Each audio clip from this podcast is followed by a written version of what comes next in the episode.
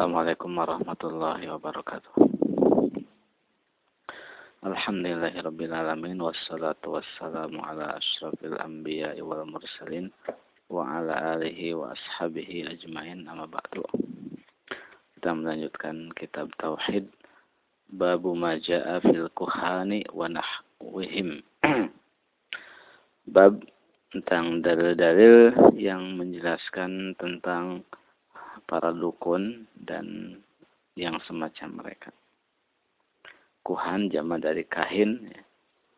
dukun ada gitu. Yang namanya kahin huwaladzi ya'khudhu an mustariqis sam'i wa kanu qabla al-ba'si kasiran. Yang namanya kahin, dukun adalah orang yang mengambil berita dari uh, setan atau jin yang mencuri berita dari langit dan sebelum diutus Rasulullah eh, apa jin atau setan itu masih leluasa mencuri berita ke langit. Dan setelah diutus Rasulullah SAW penjagaan dari langit apa di langit sangat ketat. Sehingga eh, mereka bertumpuk-tumpuk untuk mencuri berita. Ya kadang berita sampai ke mereka sebelum datang bola api terus diturunkan ke bawah itu yang apa yang sesuai dengan apa yang terjadi. Dan kadang sebelum mereka mendapatkan mereka e, berita mereka sudah terkena lemparan. Bola api dan setelah diutusnya Rasulullah penjagaan lebih lebih ketat.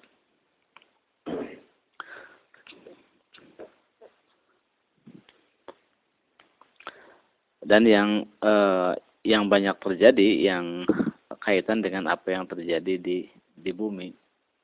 Berupa apa yang terjadi itu uh, terus dikabarkan oleh si dukun tersebut uh, umpamanya tentang barang hilang atau si pulan ada di mana atau tentang tujuan orang tersebut mau apa itu uh, itu kan hal yang sifatnya hadir yang sifatnya goibnya nisbi relatif gitu kan.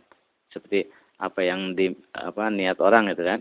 Itu kan bagi orang yang berniat tidak goib kan dia tahu tapi bagi orang lain tidak tidak tahu. Atau tentang e, asal usul orang itu kan bagi orang lain yang tidak tahu tidak diketahui. Tapi bagi orang itu tahu jadi sifatnya gaibnya relatif. Atau ada pencurian barang yang dicurinya di mana siapa yang mencurinya itu kan terjadi ya.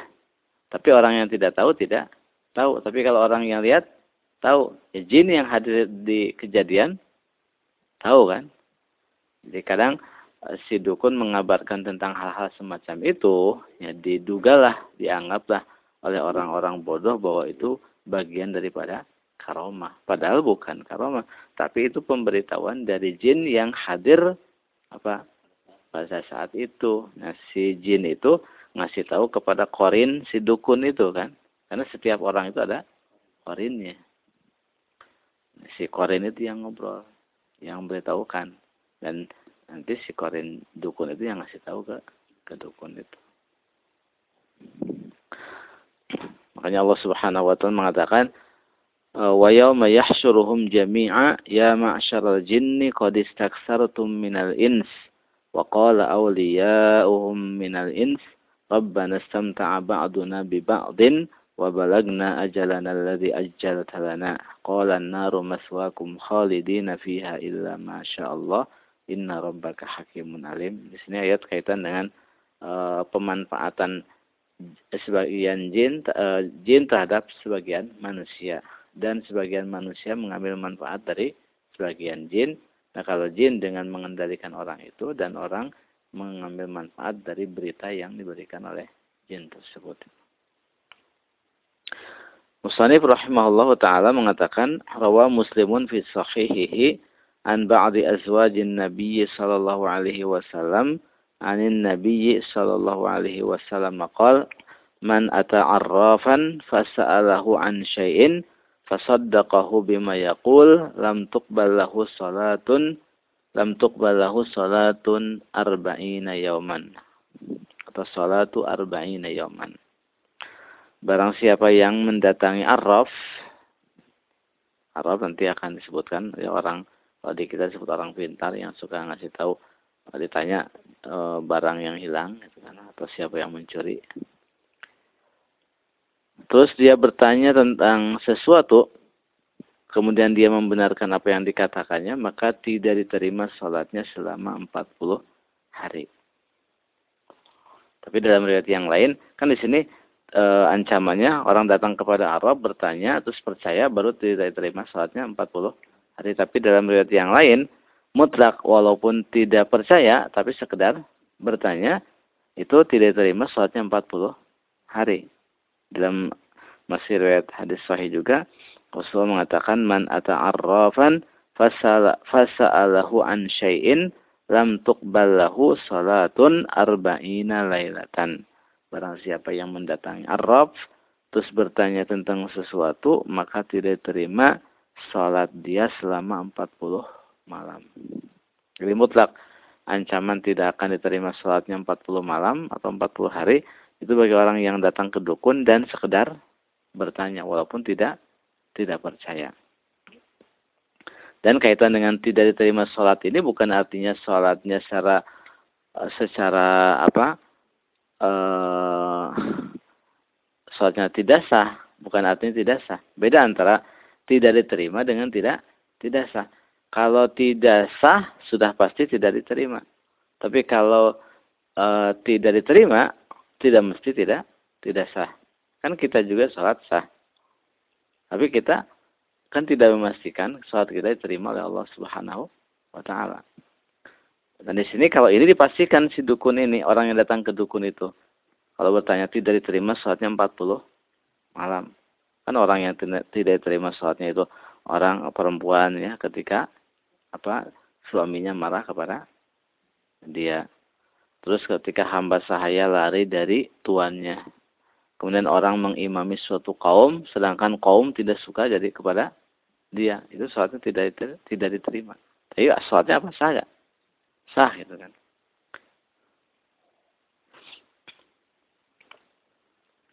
Di hadis ini ancaman dan sekaligus larangan dari mendatangi uh, Arab, mendatangi Arab atau orang pintar dan ancamannya 40 malam tidak diterima sholatnya kalau datang dan sekedar bertanya walaupun tidak tidak percaya. Kemudian Musanib rahimahullah taala mengatakan wa an Abi Hurairah radhiyallahu anhu anin Nabi sallallahu alaihi wasallam qala man ata kahinan fasaddaqahu bima yaqul faqad kafara bima unsila ala Muhammadin Sallallahu Alaihi Wasallam rawahu Abu Dawud. Barang siapa datang kepada kahin, dukun, terus membenarkan apa yang dikatakannya, maka dia telah ingkar terhadap apa yang diturunkan kepada Muhammad Sallallahu Alaihi Wasallam. Itu Al-Quran. Di sini ancaman orang yang datang ke dukun terus percaya terhadap apa yang dikatakannya, diponis apa? Telah kafir terhadap apa yang diturunkan kepada Rasulullah Wasallam. Terus juga wal arba'ati wal wal hakim waqal sahihun ala syartihima uh, an di sini tidak disebutkan siapa tapi disebutkan an Nabi Hurairah Rasulullah mengatakan man ata arrafan aw kahinan fasaddaqahu bima yaqul faqad kafara bima unzila ala Muhammad sallallahu alaihi wasallam. Barang siapa yang mendatangi arraf arraf atau mendatangi dukun terus bertanya atau membenarkan apa yang dikatakannya maka telah ingkar terhadap apa yang diturunkan kepada Muhammad SAW. Di sini ancaman orang yang percaya kepada Arab atau kahin telah diponis ingkar kafir terhadap apa yang diturunkan kepada Muhammad SAW. Dan yang dimaksud dengan yang diturunkan kepada Rasulullah adalah Alkitab dan As-Sunnah. Imam Al-Qurtubi mengatakan al-muradu bil munazzal yang dimaksud dengan apa yang diturunkan kepada Rasulullah itu adalah Alkitab was sunnah, kitab dan as-sunnah. Terus kaitan dengan kafir di sini faqad kafara bima unzila ala Muhammad. Apakah uh, kufur akbar atau kufur asghar? Di sini ulama berselisih tentang apakah itu kufur akbar atau kufur asghar, tapi mungkin juga Oh, bisa jadi kufur akbar kalau apa? Kalau meridhoi apa yang dikatakan oleh dukun tersebut dan um, apa uh, tasdik terhadapnya.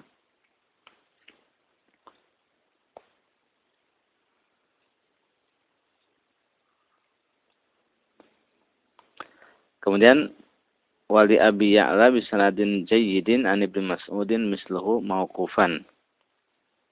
Hadis mauquf juga sama dan lafadznya adalah man atakahinan aw sahiran fasaddaqahu bima yaqul faqad kafara bima unsila ala Muhammadin sallallahu alaihi wasallam. Barang siapa yang mendatangi dukun atau tukang sihir membenarkan apa yang dikatakannya, maka telah ingkar terhadap apa yang diturunkan kepada Muhammad SAW. Bila orang yang datang bertanya terus percaya, diponis apa? Kafir terhadap apa yang diturunkan kepada Muhammad SAW. Itu orang yang datang dan bertanya percaya. Bagaimana dengan dukunnya? Dengan tukang sihirnya? Dengan arrofnya? Berarti lebih lebih parah itu kan ponisnya. Dan juga kadang orang tidak mengetahui karena di ada nggak di kampung orang ngaku dukun ya? Ada.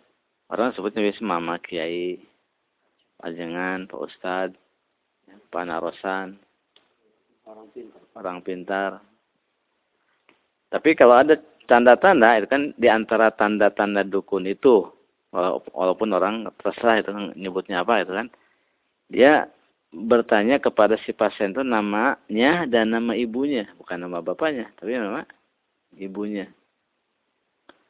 Atau juga eh, apa dia menyuruh si pasien untuk puasa selama sekian hari. Atau menyuruh untuk diam di tempat yang gelap, di kamar yang gelap sekian hari. Kalau umpamanya nyuruh saumnya 40 hari berarti jin yang kerja sama si dukun itu jin Nasrani karena orang Nasrani saumnya 40 hari. Atau memberikan barang yang mesti dikubur. Atau memberikan e, menyuruh untuk memotong hewan dengan warna tertentu, biasanya memotong ayam hitam dilemparkan di tempat tertentu. Atau memberikan apa? Uh, tolasim. Tolasim kalau di kita disebut isim ya, yang huruf Arab terpotong-potong kadang huruf yasin, alif lam mim, alif alif alif ba ba ba kan itu. Itu namanya tolasim atau di kita disebut isim. Berarti itu dukun juga. Uh, atau ya apa uh, memberikan bacaan-bacaan yang campur aduk dengan eh, hal-hal uh, yang berbau syirik. Dan juga kadang uh, termasuk cirinya juga adalah si orang itu yang dituju itu dia sebelum si sebelum si pasien me, apa menceritakan tentang maksudnya, tentang dari mana asalnya, dia sudah bisa menebak kamu dari daerah pula nih kan? Maksud kamu gini kan? Nah, berarti dia dukun. Kenapa? Dia tahu itu dari korin dia yang ngobrol dengan korin yang orang datang itu. Dari situ. Berarti itu dukun juga. Itu di antara tanda-tanda seorang apa uh, dia itu dukun walaupun disebut mama kiai ajengan Kemudian Musanib rahimahullah taala mengatakan wa an Imran ibnu Husainin mauqufan dari Imran ibnu Husain secara mar marfu'an secara marfu. Rasulullah mengatakan laisa minna man tatayyara aw tutayyira lahu aw takahhana aw tukuhina lahu aw sahara aw suhira lahu. Wa man atakahinan fasaddaqahu bima yaqul faqad kafara bima unzila ala Muhammadin sallallahu alaihi wasallam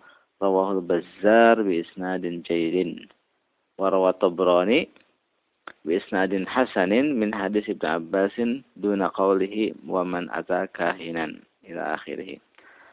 Uh, Rasulullah mengatakan bukan tergolong golongan kami orang yang tatayur, orang yang bertatayur, berpesimis dengan sesuatu.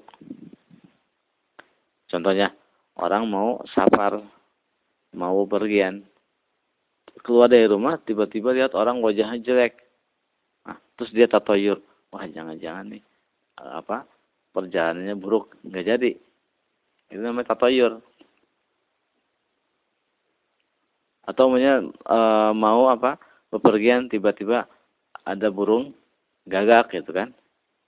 Wah, ini pertanda nggak akan bagus sih mungkin nasib hari ini kalau pergi itu namanya tatoyur jadi berpesimis dengan sesuatu itu namanya tatoyur au tutuyira lahu atau orang yang eh, apa di tato apa eh, di yaitu diceritakan maksudnya bertanya kepada orang ini tadi saya eh, melihat apa eh, mau keluar keluar rumah terus melihat orang ini. Terus kata orang itu oh itu berarti itu apa? Sial nanti. Nah itu nah orang yang menerima itu berarti tutuyiralahu itu kan menerima ramalan tatayur seseorang.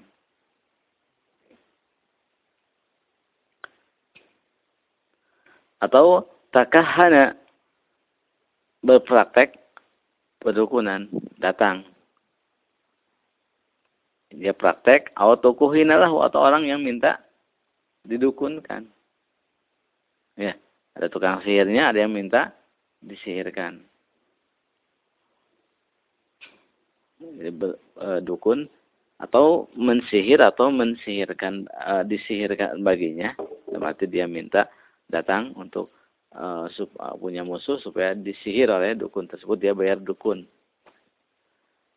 Terus Rasul mengatakan dan barang siapa mendatangi kahin membenarkan apa yang dikatakannya berarti telah kafir terhadap apa yang diturunkan kepada Muhammad Shallallahu Alaihi Wasallam. Rawahul Bazar bi isnadin jayidin juga atau baroni dengan sanad yang jayid dengan hasanad yang hasan dari hadis Ibnu Abbas e, mengatakan hal yang sama tanpa kalimat waman ata kahinan tanpa ada tambahan man atakahinan tasaddaqahu ila akhirih. Tapi sampai apa uh, suhiralahu saja sampai disirkan untuknya.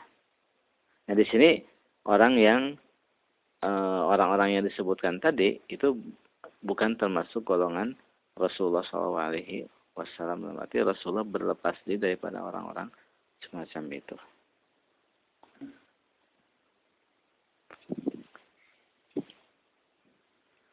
ya kalau totoyo itu kalau di uh, kalau di apa orang di pasar ya umpamanya mau jualan itu kan tiba-tiba datang pelang, pelanggan pertamanya orang wajahnya serem itu kan. Wah ini pasti usaha apa jualan hari ini sepi atau pasti rugi. Itu namanya tatoyur berpesimis dengan sesuatu yang dia lihat atau dia dengar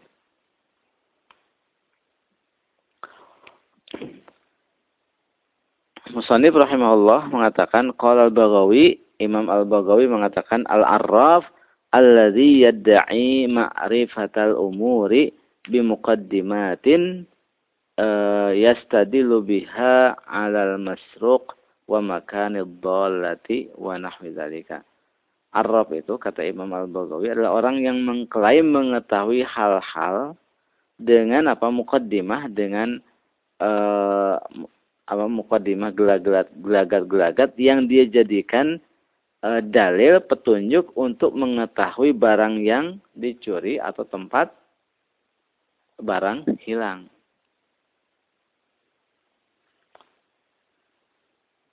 Jadi dengan apa nggak tahu kan biasanya dia apa kalau di kampung itu kan ya ada orang kehilangan barang ambil apa baskom ya ya yang deh, kasih air. Nggak tahu di gimana. Ya nanti ada bayangan di air pot apa wajah seseorang. Seperti itu yang mencurinya. Itu orang itu araf namanya.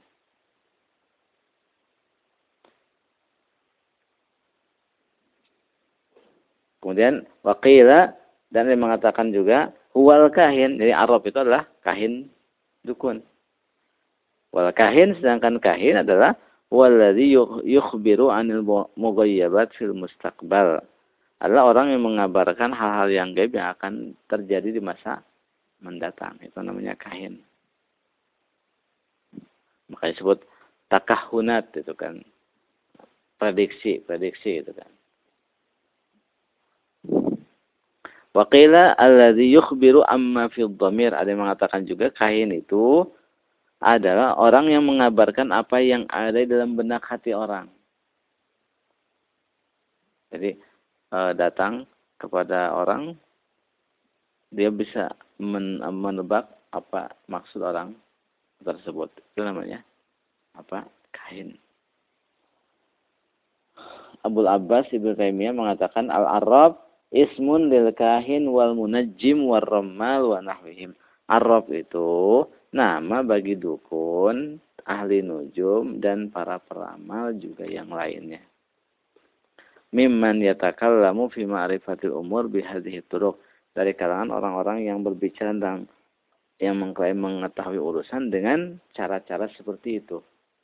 Jadi eh, apa namanya si Arab itu maknanya ada lebih umum. Dukun termasuk Arab ahli nujum termasuk Arab juga eh, tukang ramal ya.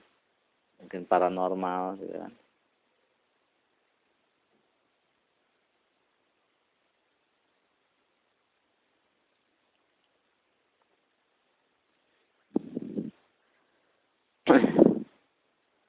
Terus kalau kalau seandainya orang dukun memberitahukan tentang uh, sesuatu terus sesuai dengan apa yang dia sampaikan akan terjadi, berarti itu hasil curi uh, berita jin yang diberikan kepada dia.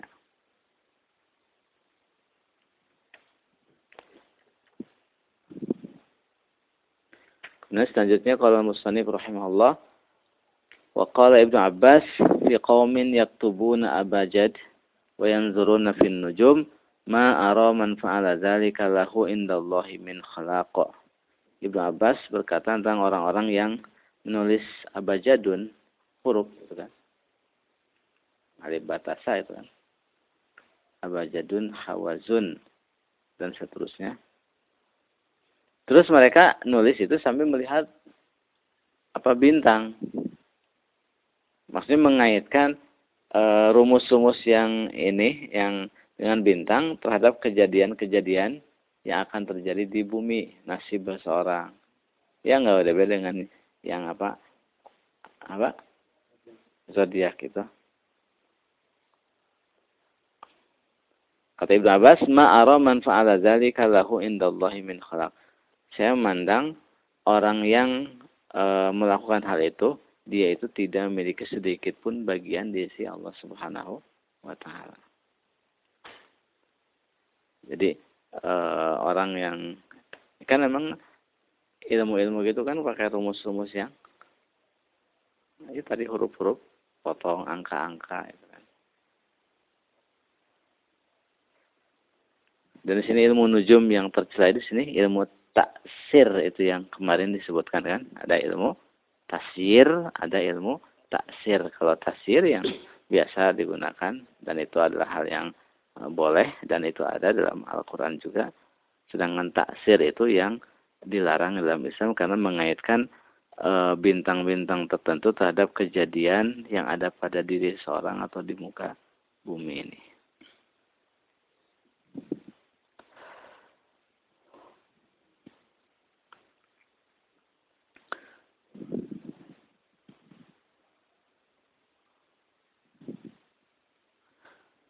Masail yang ada dalam hadis dalam bab ini di antaranya la yajtami'u tasdiqul kahin ma'al iman bil Quran. E, mempercayai dukun itu tidak akan bersatu dalam hati seorang dengan keimanan kepada Al-Quran. Berarti ketika ada membenarkan dukun, berarti kufur kepada Al-Quran. Kufur kepada apa? Iman kepada Al-Quran itu memastikan apa? E, tidak percaya kepada dukun itu. Kemudian atas bi annahu kufrun, penegasan bahwa itu adalah kekafiran. Berarti di sini Syekh rahimahullah mengatakan bahwa itu kufur bar itu kan. Kemudian zikruman tukuh hinalahu menyebutkan orang yang didukun, meminta untuk didukun. apa didukunkan didukunkan untuknya itu kan maksudnya dia punya musuh datang ke dukun minta supaya musuhnya apa dikerjain itu kan. Orang yang datang itu disebut tukuhin alahu kemudian zikruman tutuyiralahu jadi orang yang uh, apa men, bertanya kepada orang tentang apa yang dia lihat terus dia percaya itu berarti tutuyira lahu. Kemudian zikruman suhira lahu. Uh, orang yang disihirkan untuknya orang benci kepada seorang datang ke tukang sihir terus minta supaya tukang sihir mensihir si pulan yang dia benci. Nah orang yang mensihirkan itu disebut suhiralahu itu Rasulullah baro dari dia. Kemudian zikruman ta'allama abajadun tentang uh, apa uh, Ibnu Abbas menyebutkan tentang orang yang belajar apa jadun yang dikaitkan dengan uh, bintang terhadap kejadian apa yang ada di bumi atau pada diri seseorang. Kemudian zikru al-farqi baina al-kahin wal arab. Penyebutan perbedaan antara kahin dan arab. Kahin uh, apa arab adalah orang yang mengabarkan tentang sesuatu yang hilang atau barang yang dicuri dengan mukadimah-mukadimah tertentu. Ada yang mengatakan juga ya, sama dengan dukun. E, ada juga yang mengatakan dukun adalah yang mengabarkan apa yang dalam benak hati seorang. Ada yang mengabarkan, ada yang mengatakan juga dukun itu orang yang mengabarkan tentang apa yang akan terjadi di masa mendatang. Ya, intinya bahwa e, orang mendatangi dukun dengan apa pun namanya, baik paranormal atau mama ajengan dan yang lainnya, kalau memang dia memiliki sifat-sifat yang tadi dukun, terus dia datang terus bertanya, sholatnya tidak terima 40 malam. Kalau bertanya berarti telah kafir. Itu orangnya yang bertanya. Bagaimana dengan dukunnya berarti lebih lebih kafir.